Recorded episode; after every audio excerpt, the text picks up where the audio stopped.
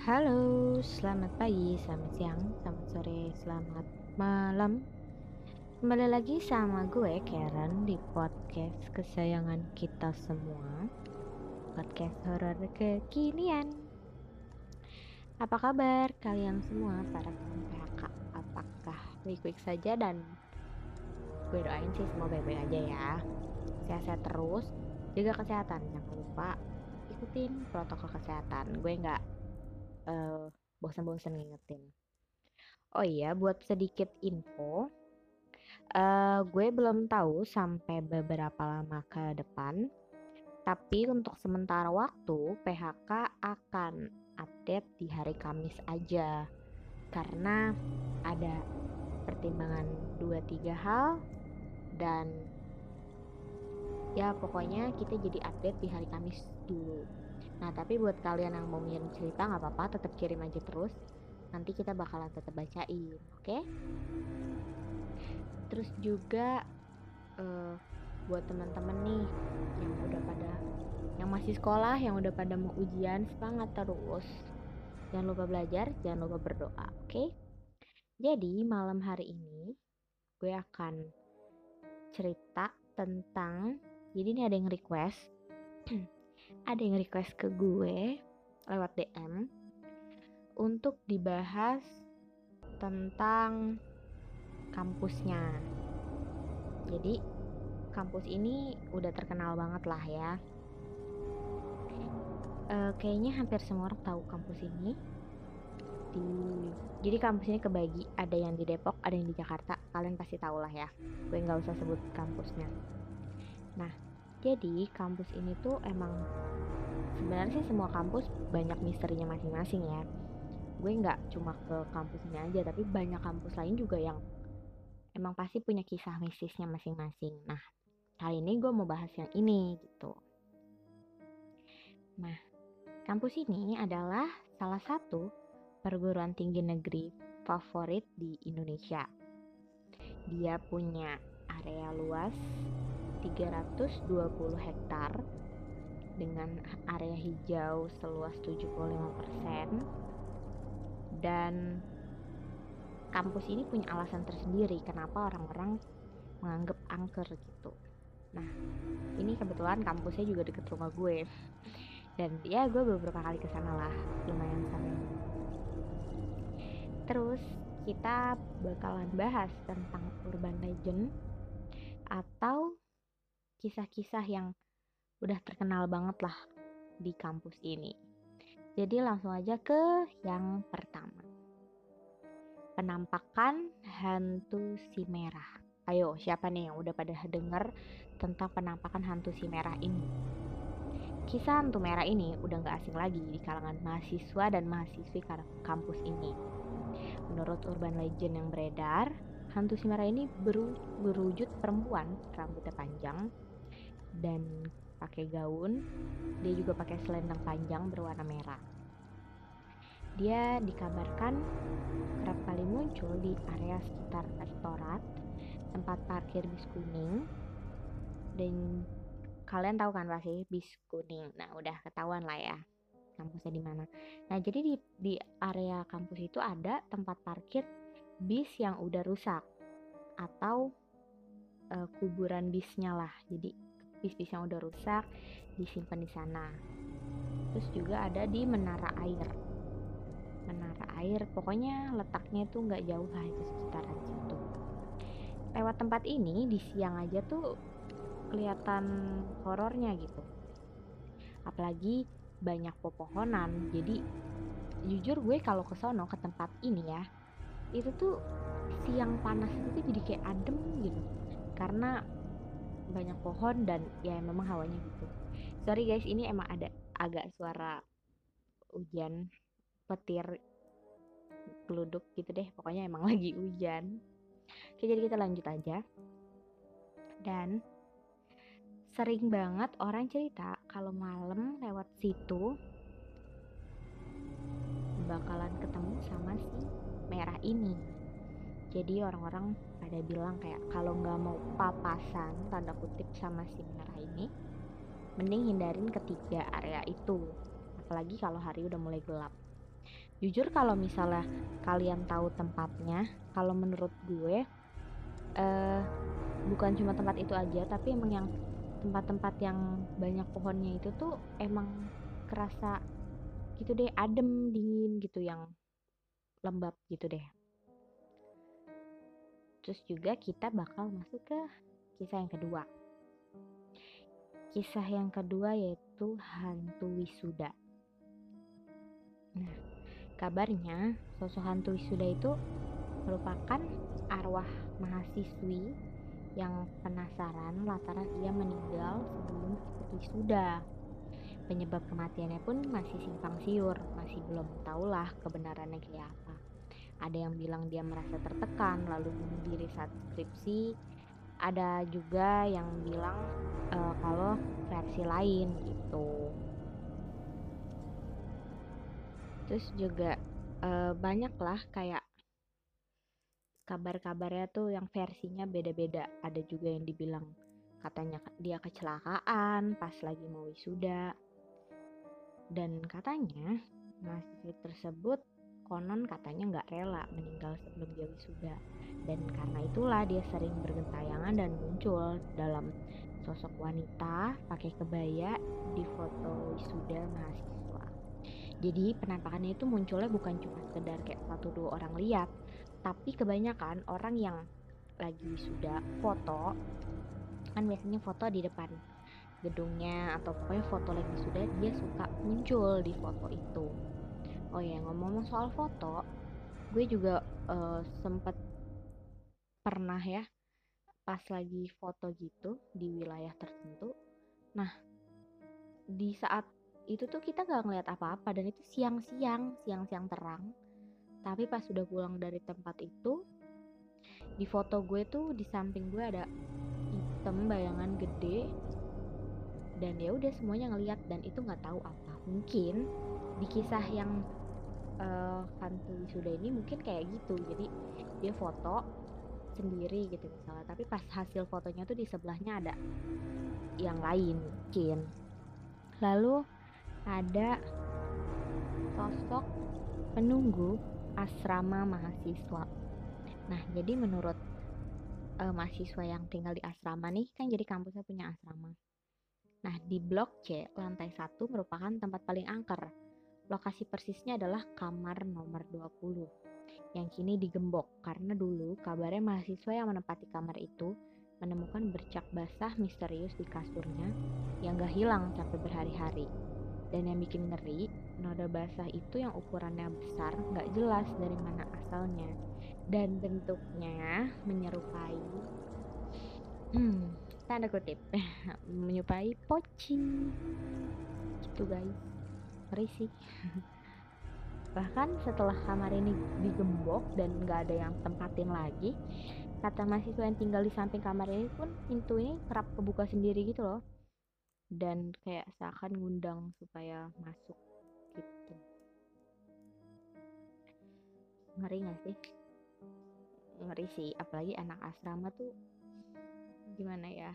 Kan namanya asrama ya udah dia tinggal situ mau nggak mau apalagi asrama yang di sebelahnya mau nggak mau ya dia harus melewati setiap um, pemandangan-pemandangan yang mungkin tidak pengen dilihat dari kamar sebelahnya gitu.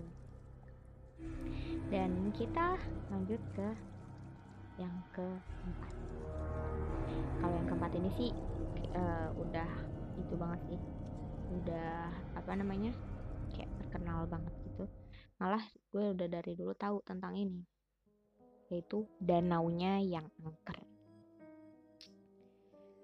dan selain didominasi area hijau, area hijau, tumbuh-tumbuhan gitu, kampus ini tuh punya enam danau. Nah, enam-enamnya ini tuh punya cerita horornya masing-masing gitu. Dan udah jadi uh, rumor di antara mahasiswa katanya tuh danau itu sering jadi tempat pembuangan jasad korban kejahatan tapi juga selain itu emang ada beberapa kejadian di danau ini itu makan korban gitu loh terutama danau kenanga. Misalnya ada petugas yang meninggal karena kesetrum saat membetulkan air mancur yang dulu ada di sana. Tidak cuma itu, ada juga pemancing yang tewas setelah tersambar petir. Ada yang bilang juga hantu perempuan berkebaya merah tuh yang tadi itu juga sering ketemu di sini, sering kelihatan ada di sini. Dan penuturan lainnya itu banyak yang bilang kalau di sana banyak suara-suara misterius kayak geraman harimau, terus juga muncul wangian gitu dan itu kecium saat melintas deket danau itu di malam-malam tertentu.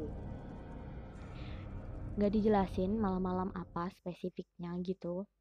Tapi ini sih gue udah tahu banget karena beberapa cerita dari temen gue yang kuliah di situ juga apalagi kalau kadang mereka suka ngerjain tugas nih misalnya nugas sampai malam dan masih di area kampus saat lewat itu tuh pasti kayak pada ngehindar gitu loh ngehindarin lewat situ karena ya nggak mau dimunculin macam-macam gitu. Jadi waktu itu juga gue uh, jadi gue waktu itu beberapa kali ke sana dan pulangnya itu selalu sore gitu kan. Karena dulu gue sering banget ke perpustakaannya karena perpustakaannya emang lengkap banget. Terus juga gue lewat nih malam-malam gue uh, bukan malam gue pulang itu maghrib gitu loh. Kayak jam lima setengah enaman lah belum sampai maghrib sih. Ya pokoknya jam-jam segitulah. Di situ tuh gue ngelewatin danaunya dan itu jalanan rame emang rame.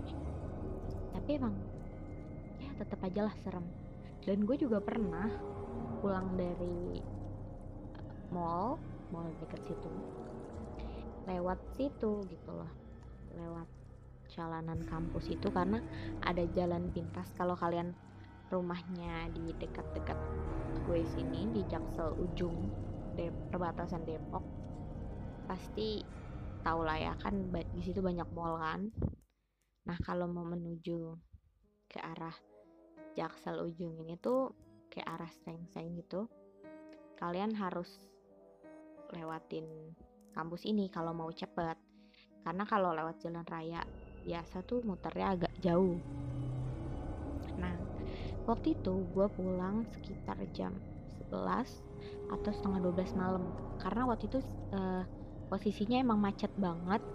Gue dari Fatmawati ke Depok itu emang macet banget. Nah jadinya pulang dari Depok mau ke rumah tuh emang uh, agak udah malam banget sih akhirnya abang gue naik ojek. Abangnya tuh bilang kayak lewat jalan pintas aja ya gitu. gue udah tahu nih lewat situ karena gue emang udah sering. Tapi gue biasanya nggak pernah semalam itu gitu. akhirnya mau nggak mau lewat situ karena emang jalanan macet. Jam segitu pun masih macet. Gue juga nggak tahu waktu itu kenapa tengah malam masih macet. Akhirnya lewat situ itu bener-bener ya ampun ngeri banget. Dan itu yang lewat situ cuma gue doang cuma gue sama ojek gue doang. Bener-bener sepi banget mana gelap banget kan. Terus ngelewatin tuh uh, kayak kan banyak halte-halte gitu kan. Ngelewatin ada halte yang lampunya kedip-kedip. Pokoknya horror banget lah vibe-nya. Bener deh kalau kalian nggak percaya cobain aja deh cobain. Cobain malam-malam lewat situ terus ya liatin aja lah sekitar gitu. Oke kita lanjut ke uh, cerita uh, misterinya yang kelima. Nah ini yang terakhir nih. Terakhir. Di sini kan dia punya itu ya punya stasiun kereta gitu kan. Nah ini kereta hantu stasiun mm -mm -mm atau stasiun nama kampusnya lah. Itu stasiunnya kampus itu. Nah kisah mistis ini tuh juga udah melegenda dan terkenal dari zaman tahun 1990-an bahkan udah jadi salah satu urban legend kereta hantu kereta hantu paling terkenal nih di Indonesia. Ceritanya tuh waktu itu ada mahasiswa yang pulang malam dan naik kereta dari stasiun itu menuju stasiun Tebet dan versi lainnya tuh ada yang bilang juga kalau dia tuh naik kereta menuju Manggarai. Jadi pokoknya dua-duanya tuh belum tahu yang mana kebenarannya tapi sama-sama berakhir serem lah. Karena si mahasiswa ini tuh baru tahu kalau dia sebenarnya bukan naik kereta melainkan dia jalan kaki menyusuri rel karena nggak ada kereta yang beroperasi di jam kepulangannya itu. Jadi cerita ini tuh udah bahkan dari gue kecil udah apa ya udah nggak asing lah di kuping gue gitu. Jadi kisah ini tuh mahasiswa ini perasaannya dia tuh dia naik naik kereta. Tapi kayak lama banget nyampe nya gitu sampai akhirnya ketemu uh, yang petugas kereta itu ditanya mau ke mana gitu. Ditanya mau ke mana apa ditanya dari mana dan dia bilang iya habis naik kereta ini gitu disebutnya. Dan ternyata kereta yang dia sebut itu tuh nggak ada keretanya gitu. Maksudnya jam segitu tuh kereta itu udah nggak beroperasi udah nggak jalan. Udah itulah karena udah malam. Dan ternyata kata petugas kereta itu dari tadi yang dia lihat itu ya si mahasiswa ini tuh jalan kaki di rel kereta. Kayak gitu jadi ini tuh sebenarnya mirip-mirip sama kisahnya. Gue lupa ini udah gue ceritain atau belum. Pokoknya mirip-mirip lah ya. Tante gue tuh pernah naik angkot. Naik angkot terus dia juga biasa aja gitu. Dan rasanya tapi kayak aneh gitu loh. Orang-orang tuh semua yang duduk di dalam angkot pada diem terus setelah itu pas dilihat semua orang-orang yang duduk di angkot itu hidungnya disumpel kapas. Berarti kan ya gitu deh kalian tahu kan. Sebenarnya ini mirip-mirip juga sama waktu itu kisah yang sempat viral yang kata di bus itu loh di bus. Katanya tuh semuanya itu kata dia rame yang dia fotoin tapi pas difoto nggak ada orang gitu.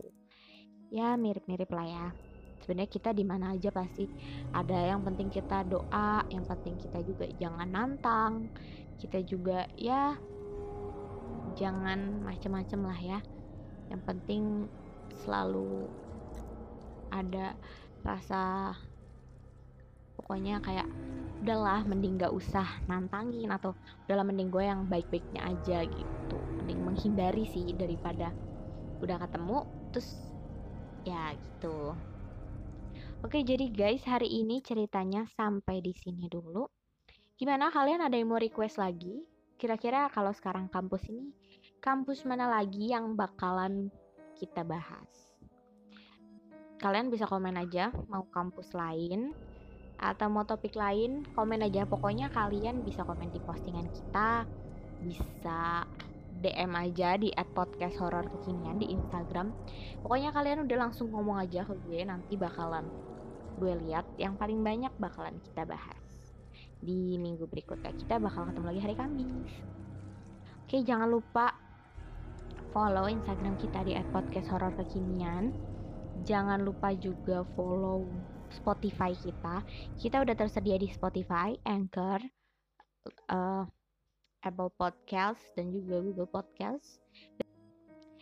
Sampai ketemu di hari Kamis besok. Oke? Okay? Bye-bye. Jaga kesehatan.